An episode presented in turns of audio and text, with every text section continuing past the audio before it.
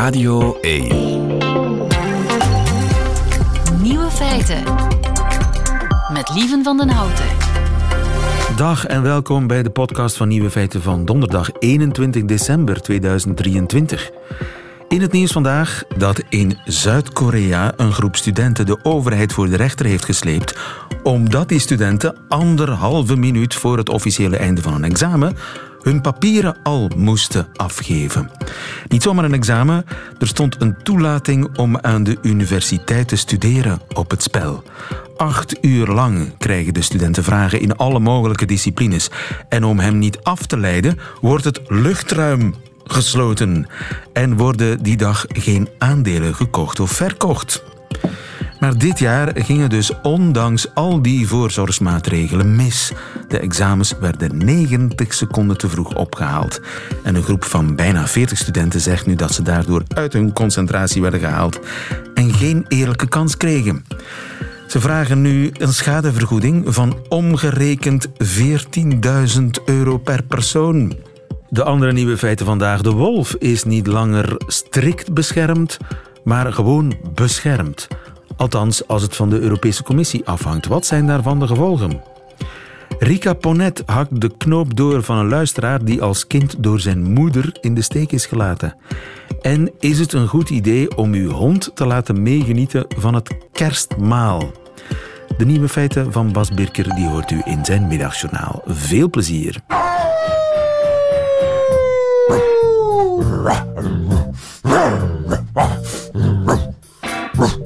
Radio 1. Nieuwe feiten. Europa die vindt de wolf overbeschermd. Goedemiddag, Joachim Merget. Goedemiddag, lieven. Je bent onderzoeker bij het Inbouwde Instituut voor Natuur- en Bosonderzoek. Op dit ogenblik heeft de wolf nog het statuut strikt beschermd. En in de toekomst moet dat, althans volgens de Europese Commissie, worden beschermd. De strikt zou er dan afgaan. Wat zou dat concreet veranderen voor de wolf? Dat gaat heel sterk afhangen van wat de lidstaten daar zelf mee doen. Want zij mogen nog altijd zelf beslissen om strikt te beschermen. Nu, wat gaat dat concreet veranderen? Uh, er mag dan op niveau van een populatie beheerd worden. Dus er mag afschot gedaan worden Aha. onder de voorwaarden dat je grote, gunstige populaties behoudt. Dus het mag de zogenaamde staat van instandhouding, zoals dat dan heet, niet in gedrang brengen. Ja, dus stel dat er dan in Limburg uh, een gigantisch overaanbod zou zijn aan wolven, dan zouden schapenboeren toestemming kunnen vragen om een wolf te schieten of te laten schieten. Wel, je moet die, die populatie op niveau van de populatie bekijken, niet op niveau van ja, een gemeente of een, of een provincie. Wat bedoel je daarmee? Wel, die wolven in Limburg die zitten niet op een eiland. Die komen vanuit, de, uh, vanuit Duitsland, vanuit Nederland, vanuit Polen. Ja, en die zijn daarmee verbonden de jongen uit Limburg die vertrekken, die gaan ook weer richting Duitsland, Frankrijk, Nederland. Dus Limburg is te dus... klein eigenlijk om te kijken of, of die wolvenpopulatie op peil is of niet. Inderdaad. En daar is momenteel een, uh, is men bezig op beleidsniveau om dat op een gezamenlijke manier te bekijken en uh, te beheren. Die informatie en ook hoe die wolven het doen. Ja. Want het, ja, je kan niet enkel in Limburg zeggen de wolven doen het hier goed, zonder daarbij te kijken naar hoe gebeurt het, hoe zit de situatie in de buurlanden. Juist. Nu, Ursula von der Leyen, de commissievoorzitter, die zegt dat eh, de concentratie van wolvenroedels in sommige regio's in Europa een gevaar geworden is voor de veestapel. Klopt dat? Um, wel, de concentratie van roedels die is niet, erg, niet erg toegenomen. Hè. Je hebt in een gebied heb je wolven of je hebt er geen. Bijvoorbeeld in Limburg heb je dan, ja, een, afhankelijk van de periode van het jaar, tussen de 2 en de 13, 14 wolven. Dan worden dat er neemt nooit op zich meer. nooit toe. Ah nee, ja, dat, kan is niet. één Waarom roedel. niet? Wel, een roedel beschermt uh, zijn territorium tegen andere wolven. Dus die, je hebt dan gewoon die ene roedel in dat hele gebied. En, en ook niet meer wolven dan dat. Nu, als we daar eventjes afstand van nemen van, van, van dat idee, veroorzaken wolven schade aan vee? Jazeker. Maar daar zijn, daar zijn middelen voor. Er zijn Welke? methodes voor om dat te voorkomen. Dus je kan eh, je vee beschermen met zogenaamde wolfwerende eh, maatregelen. Je kan eh, een elektrische afsluiting plaatsen aan de buitenkant van een bestaand hekwerk bijvoorbeeld, om die wolf buiten te houden. Ja, klinkt In het duur. centrum van, het, van, het, van de roedel hè, in Limburg is dat ongeveer in een kleine 50% van de weiden al gebeurd. En we zien dat effect ook wel heel duidelijk in de statistieken. En eh, die wolfwerende omheiningen die zijn heel duur, maar je kunt daar subsidies voor krijgen, geloof ik. Hè? Inderdaad, ja, dat wordt, dat wordt in, in heel grote mate wordt dat ondersteund. eh, zowel voor eh, particulieren als voor professionele veehouders. Ja. Nu, Dus is er een situatie denkbaar waarbij je toch, eh, om het vee te beschermen, op een wolf kunt schieten? Er zijn situaties als er een, een wolf leert om die eh, veebeschermingsmaatregelen systematisch te omzeilen, ja, dan krijg je een situatie waarbij ehm, je je vee eigenlijk niet meer afdoende kan beschermen. En dan kan je zeggen, in dit, in dit geval doen we dat. En dat is nu ook al het, ge, Ah, dat het kan geval. al. Ook al is die strikt dat kan beschermd. nu ook al. Ook al is die strikt beschermd. Die strikte bescherming betekent dat je op het niveau van het individu maatregelen mag nemen. De beschermd, dus een trapje lager, dan mag je dat op niveau van de hele populatie doen. Ja. Nu, een wolf schieten, heeft dat zin? Want dan komt er een andere wolf. Wel, als je bekijkt binnen één roedel, je hebt, stel je krijgt eh, een, een, een vergunning voor een afschot van twee van de acht wolven, dan heb je nog altijd zes wolven die eh, schade kunnen veroorzaken aan vee. Dus je blijft zitten met die noodzaak om veebeschermingsmaatregelen te nemen. En stel dat je zegt, ja, maar we gaan nu heel die roedel verwijderen, ja, dan krijg je een aanzuigeffect vanuit andere gebieden, want je hebt een gunstige plaats. Hè, want ze zitten er, dat betekent dat ze er voor een reden zitten. En dus ga je daar altijd opnieuw wolven moeten blijven afschieten. Ja. En je kan dat groter en groter maken en zeggen: Oké, we gaan dat nu gewoon voor heel de regio doen. Maar dan kom je in conflict met die noodzaak, die wettelijke noodzaak, om die gunstige staat van instandhouding te behouden. Juist, en, en dat is nodig als je een dier beschermt, ook al is het niet eh, strikt beschermd. Nu las ik ergens dat als je het verkeerde dier neerschiet, een vader- of moederdier, dat de roedel dan uit elkaar valt en zich verspreidt. En dus ja, het, het effect averechts is, dan ga je de wolven een groter gebied gunnen.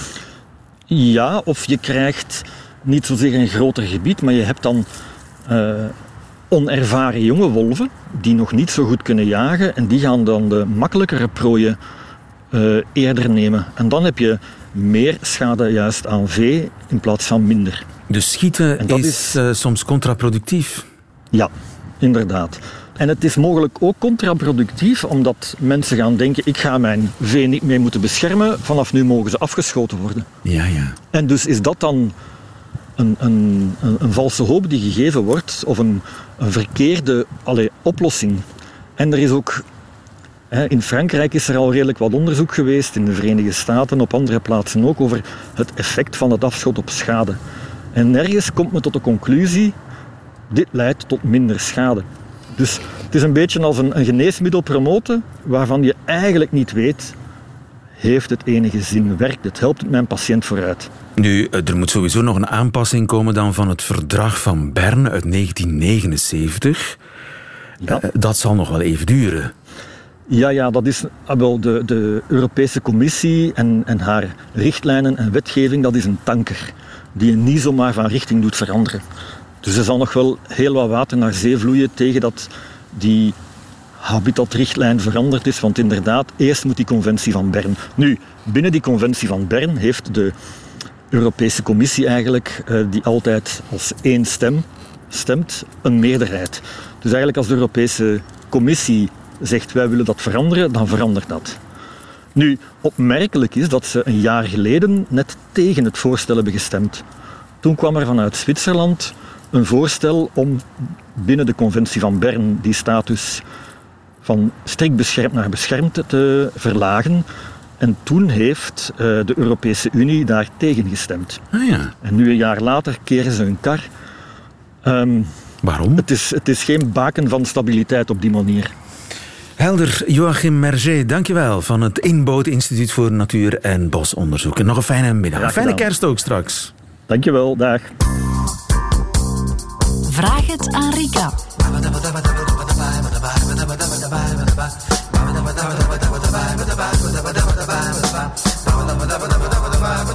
Ik heb een vraag gekregen van Maarten. Een vraag voor relatiedeskundige Rika Ponet. En kijk, wie zit hier? Zoals elke donderdagmiddag, Rika Ponet. Ja. Goedemiddag, Rika. Hallo. Maarten schrijft, ik ben een man van 34, ik ben getrouwd en heb een dochter van 5. Mijn moeder verliet ons gezin, mijn vader, oudere broer en ikzelf toen ik 13 was. Ze vertrok naar Engeland om er een nieuw leven op te bouwen met een Engelsman. Naast mijn hoofdkussen lag een kort briefje met een telefoonnummer. Ze was weg. Wij gingen door de hel. Mijn vader lag nachtenlang te huilen en mijn broer zette zijn leven op pauze. Ik hield me ogenschijnlijk sterk. Ze kwam niet terug op haar beslissing. Toen ik in het vierde middelbaar zat, scheiden uiteindelijk mijn ouders. Ze woont vandaag nog met dezelfde man in Schotland. Een dysfunctioneel gezin waren wij niet. Ik geloof dat mijn ouders geen al te diepe band hadden en ik begrijp waarom ze niet bij elkaar konden blijven. Maar dat ze zomaar vertrok, besloot om de band door te knippen, lijkt mij meer dan drastisch. Nu, twintig jaar later, probeer ik nog altijd om dit een plek te geven. Ik dacht dat ik het een plek gegeven had, tot mijn dochter er kwam. Ze is vijf nu, hè, geloof ik. Ja. En de eerste tekenen van emotionele uitputting. Een burn-out, angstaanvallen, vluchtgedrag. Het onderwerp werd in mijn familie taboe en iedereen dacht dat tijd de wonden zou helen, maar tijd maakte het voor mij alleen maar erger. Het is meer een tijdbom. Enkele jaren geleden begon ik met psychologische hulp en ik heb een enorme sterke band met mijn echtgenote. We hebben hier al uren over gepraat. Ik heb al een heel parcours afgelegd om het leefbaar te maken voor mezelf, om een fijne relatie te kunnen hebben met mijn vrouw en mijn dochter, maar het eet me nog altijd levend op. Ik heb contact met mijn moeder. Af en toe komt ze langs om de familie te bezoeken. Dat contact is op zich goed, maar ik denk dat daar ook het probleem ligt. De stress die ik voel als ze langskomt is vaak onbeschrijfelijk. Ik zit te trillen, krijg het koud. Ik voel me terug als die jongen van 13, als bevroren. En ik laat alles over mij heen komen. Mijn familie doet alsof het leven zo gewoon verder kan gaan, maar voor mij kan dat niet. Ik ben het gesprek al aangegaan met mijn moeder. Haar vertelt dat ik het nog altijd heel erg vind en dat ik niet begrijp dat er nooit over gepraat is. Dat lucht mij dan op, maar daarna gaat het weer gewoon verder. Er moet voor mij echt iets veranderen om dit eindelijk te kunnen verwerken, maar ik weet niet goed wat.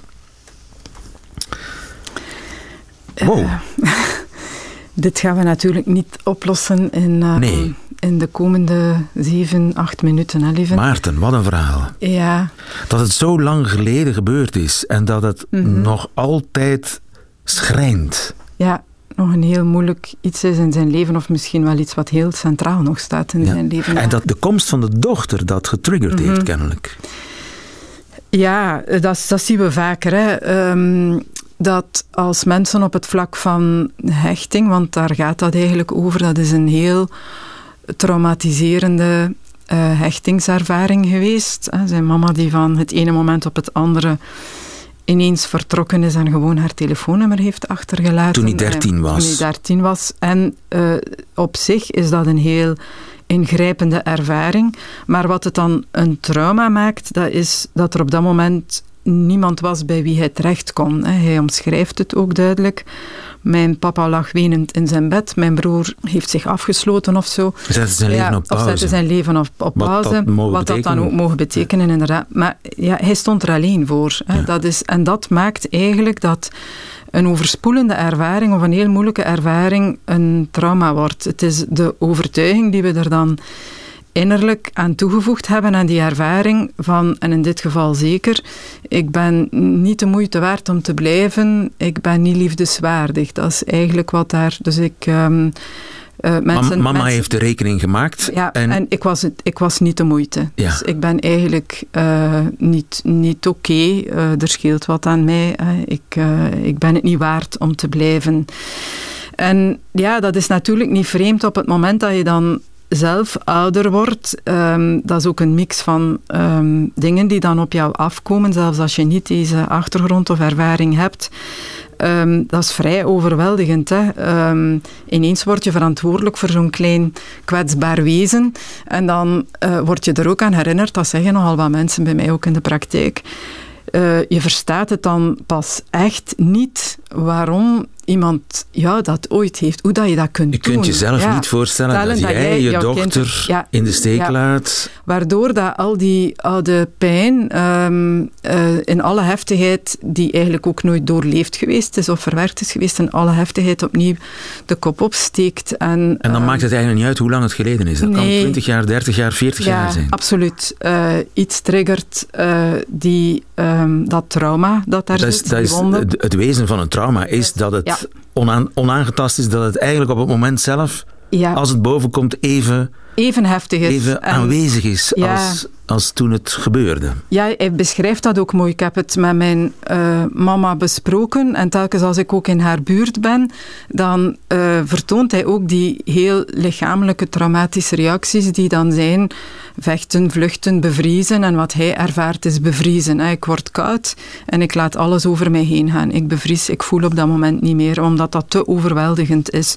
Dus het is duidelijk dat dat uh, op dit moment voor hem um, nog altijd iets is um, ja, waar hij verder mee aan de slag moet. En, Wat ook ehm, opvalt in zijn brief is dat hij zegt, ja, maar de rest van de familie zegt, ja, maar ga toch gewoon door. Alles is toch, dat is al lang van lang geleden. Kijk naar de toekomst. Dat is eigenlijk ook, denk ik, ja, de basishouding in dat gezin geweest, waardoor je nog eens ziet, er is iets heel moeilijk gebeurd en um, de reactie is geweest, zwijgen, uh, elk trekt zich terug met zijn emoties en doet gewoon verder. Um, waardoor er een enorme eenzaamheid is. Als je iets wat heel moeilijk is kan delen, dan hoeft zelfs zo'n ingrijpende ervaring op langere termijn geen trauma te worden of te zijn. Het gaat er altijd over, um, ik heb dat verinnerlijkt en op dat moment was dat zo overweldigend. Er was niemand voor mij.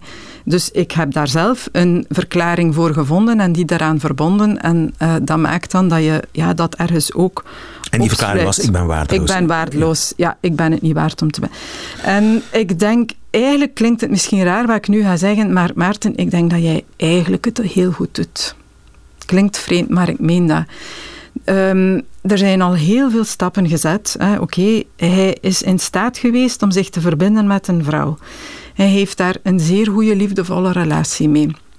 Wij weten uit ervaring dat de beste plaats om te helen van zoiets eigenlijk altijd een relatie is, een intieme relatie is. Eh, hij heeft het aangedurfd om zelf vader te worden. want dat zie ik ook vaak. Als mensen zo'n moeilijke ervaringen hebben meegemaakt, dat ze vaak ook zelf geen kinderwens zo gezegd hebben. Maar dat is dan meer angst om zelf vader of ouder te worden. En ja, dan naar jouw eigen kind misschien ook zoiets te gaan doen, hè, dat zo ingrijpend is. Dus uh, ik denk dat hij daar al ja, toch grote stappen in gezet heeft. Hij is ook in psychologische begeleiding en als dat goed is, dan kan ik maar één ding zeggen. Ja, ga daarmee verder. En vooral, um, we vinden vandaag soms dat dingen heel snel opgelost moeten zijn. Eigenlijk is het nog maar vrij recent, vooral sinds de geboorte van zijn dochter, dat hij daar echt mee aan de slag is gegaan. Dat is iets wat ja, uh, ruim twintig jaar geleden gebeurd is. Verwachten dat je dat dan op heel korte tijd volledig doorgewerkt hebt en dat, dat, um, dat je daar op de goede manier toe verhoudt, dat is, um, ja, dat is gewoon te snel verwacht. Maar het kan. Ook. Het kan, ja, dit kan, absoluut. Je kunt dit oplossen. Ja, dit gaat over het alsnog doorleven van wat er toen emotioneel niet kon doorleefd worden, omdat het te overspoelend, te overweldigend was. Juist, en dat zal dan de therapie zijn. Hij zal ja. moeten daar zal het hij nu trauma mee... herbeleven? Op ja, dat zo dan? wordt dat gedaan. Ja. Ja. Um, moeten is, dat is een, een stapsgewijs proces. En ik denk bijvoorbeeld het al eens met zijn moeder besproken hebben, hoe hij dat ervaren heeft. Dat zal zeker een onderdeel van zijn therapie geweest zijn. Maar je lost dat niet op met dat één keer te doen. Hè. Vaak heeft dat ook ja, meer aandacht, meer tijd nodig. Ook voor zichzelf de overtuiging loslaten, daar is dat dan toch echt wel loslaten. Het start ook met, ik ben ervan overtuigd dat ik wel de moeite waard ben. Dat gaat ook over de relatie met jezelf. Ehm, en eh, er zijn mensen die mij graag zien. En ik vermoed vandaag dat zijn grootste angst niet zozeer meer gaat over die relatie met mijn mama moet hersteld worden, maar vooral over ehm, hij heeft nu zelf een kerngezin waar hij heel veel waarde aan hecht, waarin dat hij opnieuw die kwetsbaarheid ook ervaart. Hier kan dat ook opnieuw gebeuren. Deze vrouw kan mij... En volgens mij zit ook heel veel van wat hij nu doormaakt aan angst hangt dat samen met wat hij nu zelf aan het opbouwen is. En daar toch verder doen, hè, verder investeren in wat hij nu heeft als kerngezin, wat fantastisch is dat hij daar al toe in staat is geweest, dat lijkt mij eigenlijk ook een hele belangrijke. Ja. Ja. Maarten, uh, ik hoop dat we jou wat moed hebben gegeven, want het klonk vooral een, een soort wanhoopskreet. Maar goed bezig, doorgaan. Ja, en je kan hiervan herstellen. Je kan die gebeurtenis niet ongedaan maken, maar de wijze waarop je je daartoe verhoudt, daar is zeker herstel mogelijk en dat is het goede nieuws maar heeft vaak tijd nodig. Als er nog mensen zijn met eh, kwesties voor Rika Knopen door te hakken, ze dient ervoor. Laat het ons weten via nieuwefeiten.radio1.be. Radio 1. Nieuwe feiten. Mensen overspoelen ons altijd met uh, vragen en opmerkingen. En dat vind ik altijd heel fijn als u iets laat horen. En zo heb ik post gekregen van Katrien. En Katrien schrijft het volgende. Ik zie eerlijk gezegd op tegen kerst, want dan komt altijd mijn hele familie bij mij eten. En op zich is dat uiteraard geen probleem. Zeker, Katrien. Maar mijn broers vinden niets leukers dan mijn twee honden mee te laten eten van al het lekkers dat ik op tafel zet. En nu probeer ik mijn terriers zo gezond mogelijk te houden, maar toch moet ik elk jaar leidzaam toekijken hoe een groot deel van mijn coco vin en mijn bûche de Noël in hun gulzige kelen verdwijnt. En als ik er iets van zeg, dan lachen de heren mij uit. Ze noemen mij een hysterische trut en een linky winky. Het is feest voor iedereen, zeggen ze dan. Ik ben nu al nerveus als ik aan kerstavond denk, schrijft Katrien. Hoe los ik dit op? Laat ik de kwesties voorleggen aan uh, Mirjam Hesta. Goedemiddag, Mirjam. Goedemiddag. Je bent dierenarts aan de Universiteit van Gent. Dat klopt, ja. En Katrien is nu al nerveus als ze aan kerstavond denkt, want haar broers doen niets liever dan allerlei feestlekkers voeren aan haar twee uh, terriers. Heeft ze gelijk dat ze zo bezorgd is? Ja, ze heeft inderdaad uh, gelijk. Dus met deze dagen wordt er uh, ja, wat uh, te veel van al die extraatjes uh, gegeven aan onze viervoeters. En dat is inderdaad uh, ja, niet altijd zo gezond. En viervoeters, dat geldt zowel voor katten als voor honden? Ja, dat klopt. En ja. mag een kat of een hond bijvoorbeeld een stukje van de taart mee eten? Um, als die taart chocolade bevat, dan uh, is dat zeker geen goed idee, omdat er bepaalde um, ja, voedermiddelen zijn of voedingsmiddelen zijn die wij uh, kunnen eten, maar die uh, mogelijk toxisch kunnen zijn voor hond en kat. En chocolade is daar eentje van, maar ook bijvoorbeeld uien, look.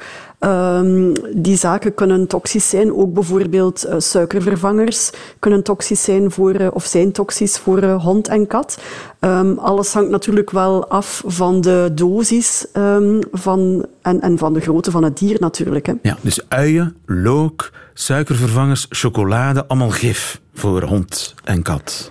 Afhankelijk van de hoeveelheid die ze binnenkrijgen. Ja. Dus ja. Een, een, een, stukje ui, zal, daar zal uw hond niet van doodvallen. Maar als het veel uien zijn, dan ja, en, en, afhankelijk van de grootte van het dier, ja. dan kan die daar heel ziek van worden. En sterke kruidenspullen?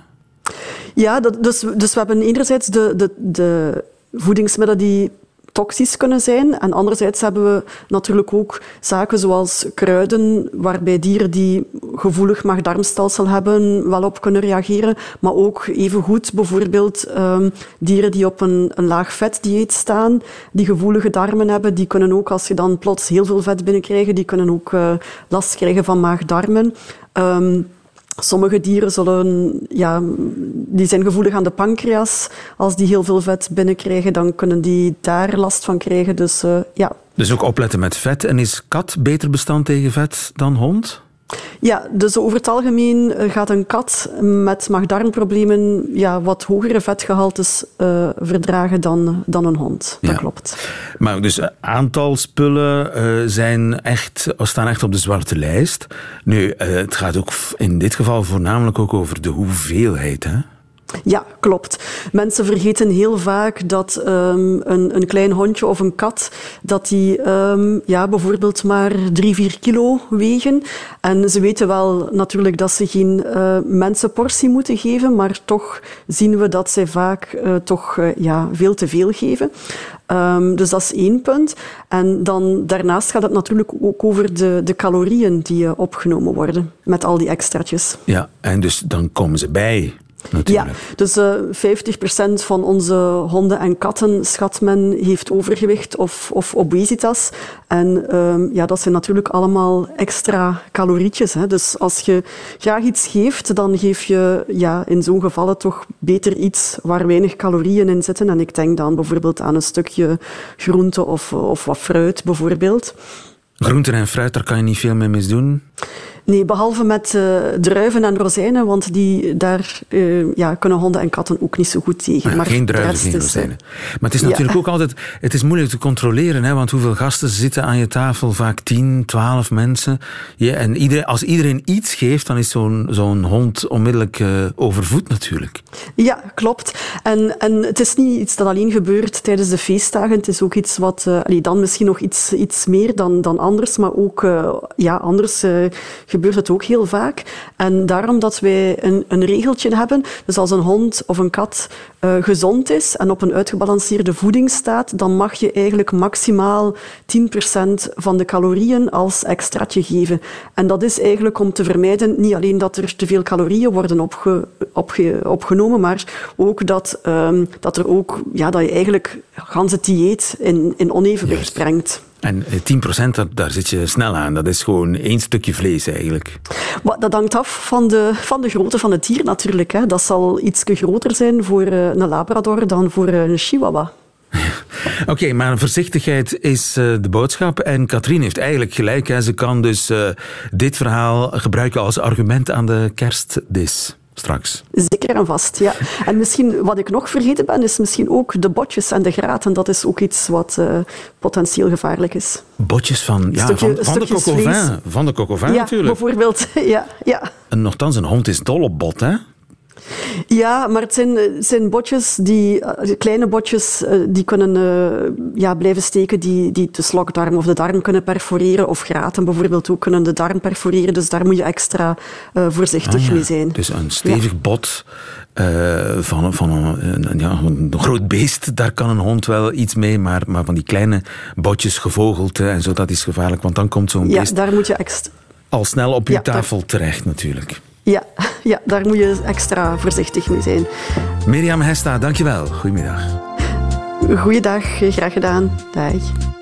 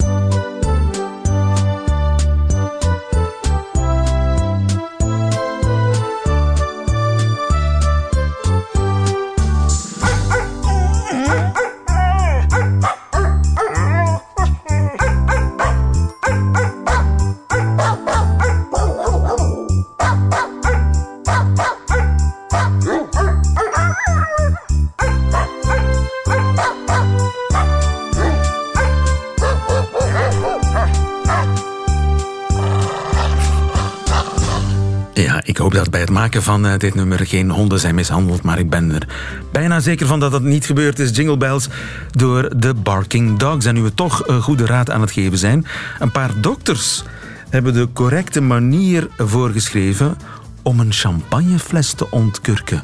Champagnekurken blijken namelijk zeer gevaarlijke wapens. Ze kunnen aan 80 km per uur uit een fles vliegen. En in een kwart van de gevallen waarbij een kurk in iemands oog knalt, blijft het slachtoffer blind. Dus geen dag te vroeg dat die dokters een medisch correcte manier hebben bedacht om champagneflessen te ontkurken. En misschien kende u, kende u ze al, maar ik vat het toch nog even voor u samen. Eerst en vooral koel de champagne en de schuimwijn af. Doe je sowieso al, neem ik aan. Want door de koude vermindert de druk binnen de fles. Vervolgens richt de fles weg van jezelf en je gasten. Belangrijk.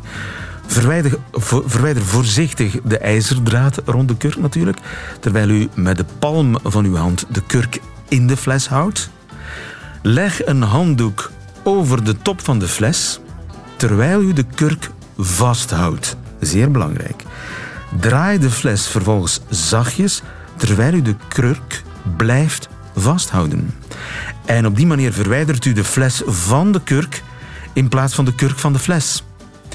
Dus je moet de kurk vasthouden en de fles een beetje draaien en van de kurk verwijderen. Waardoor dus de kurk niet aan 80 km per uur in iemands oog kan vliegen. Heel simpel, maar je moet het vooral weten. Et voilà, de champagne is klaar om geserveerd te worden.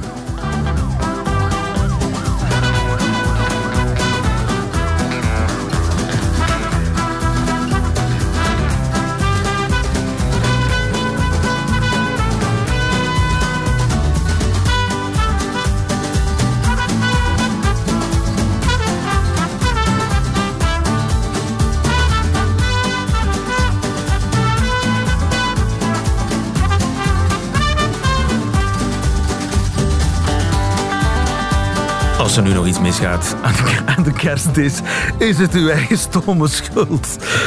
Haha, daarmee heeft u alle nieuwe feiten gehad van deze 21 december. Behalve die natuurlijk in het leven van de man die het middagjournaal bijhoudt voor ons deze week. En dat is Bas Birker. Nieuwe feiten. Middagjournaal.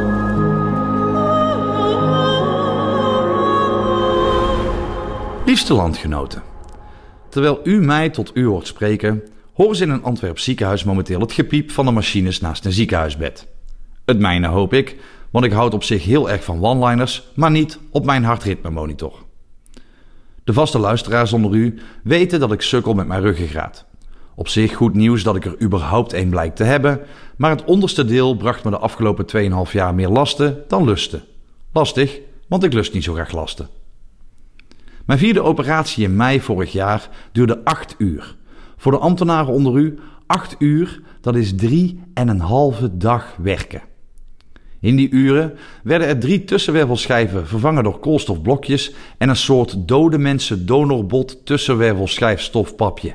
Leg dat ik in met Scrabble.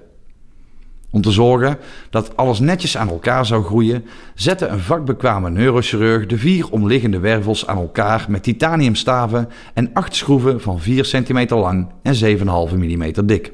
Maar, zoals een hele vieze man in Nederland ooit tegen me zei: Het gaat niet om de grootte, het gaat niet om de dikte, het gaat om de kilo's waarmee je hem aanstampt. Lang verhaal kort, ik ben erg goed hersteld van die zogeheten fusie van mijn wervels. Mijn kracht stond weer op punt en ik was nog best flexibel. Eigenlijk een beetje te flexibel. Het is te zeggen, ik was zo flexibel dat er langzaam maar zeker een vermoeden rees dat mijn rug een beetje was zoals menig radiocollega. Vrij onder voorwaarden.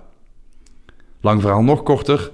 Ik hoor al mijn hele leven mensen tegen me zeggen dat er bij mij een vijs los zit. Die mensen krijgen nu gelijk. Wat zeg ik? Dubbel gelijk. En dus ben ik vanmorgen nog maar eens een operatiekamer binnengerold. Dat is OK. Als het ook oké is, ben ik voor kerst weer thuis om het niet te vieren. Met twee schroeven minder in mijn rug, maar een mooi gewicht aan verwijderde titanium onderdelen in een doggybag. Dus mocht u komend kerstfeest mijn huis passeren en belletjes horen rinkelen, maak u zorgen nog illusies. Ik vier geen kerst, ik rammel met mijn zakje. Ik moest me van de psycholoog toch nodig eens binnenste buiten keren. Het was alleen niet mijn plan om dat door een chirurg te laten doen. Het is de binnenkant die telt, liefste landgenoten. Maar hij telt dubbel als je hem echt kan laten zien. Dan is er zijn gewicht in goud waard. Of in mijn geval, titanium.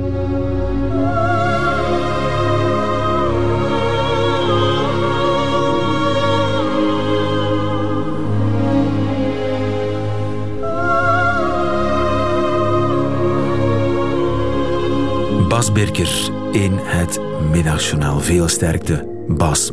Einde van deze podcast hoort u liever de volledige nieuwe feiten met de muziek erbij.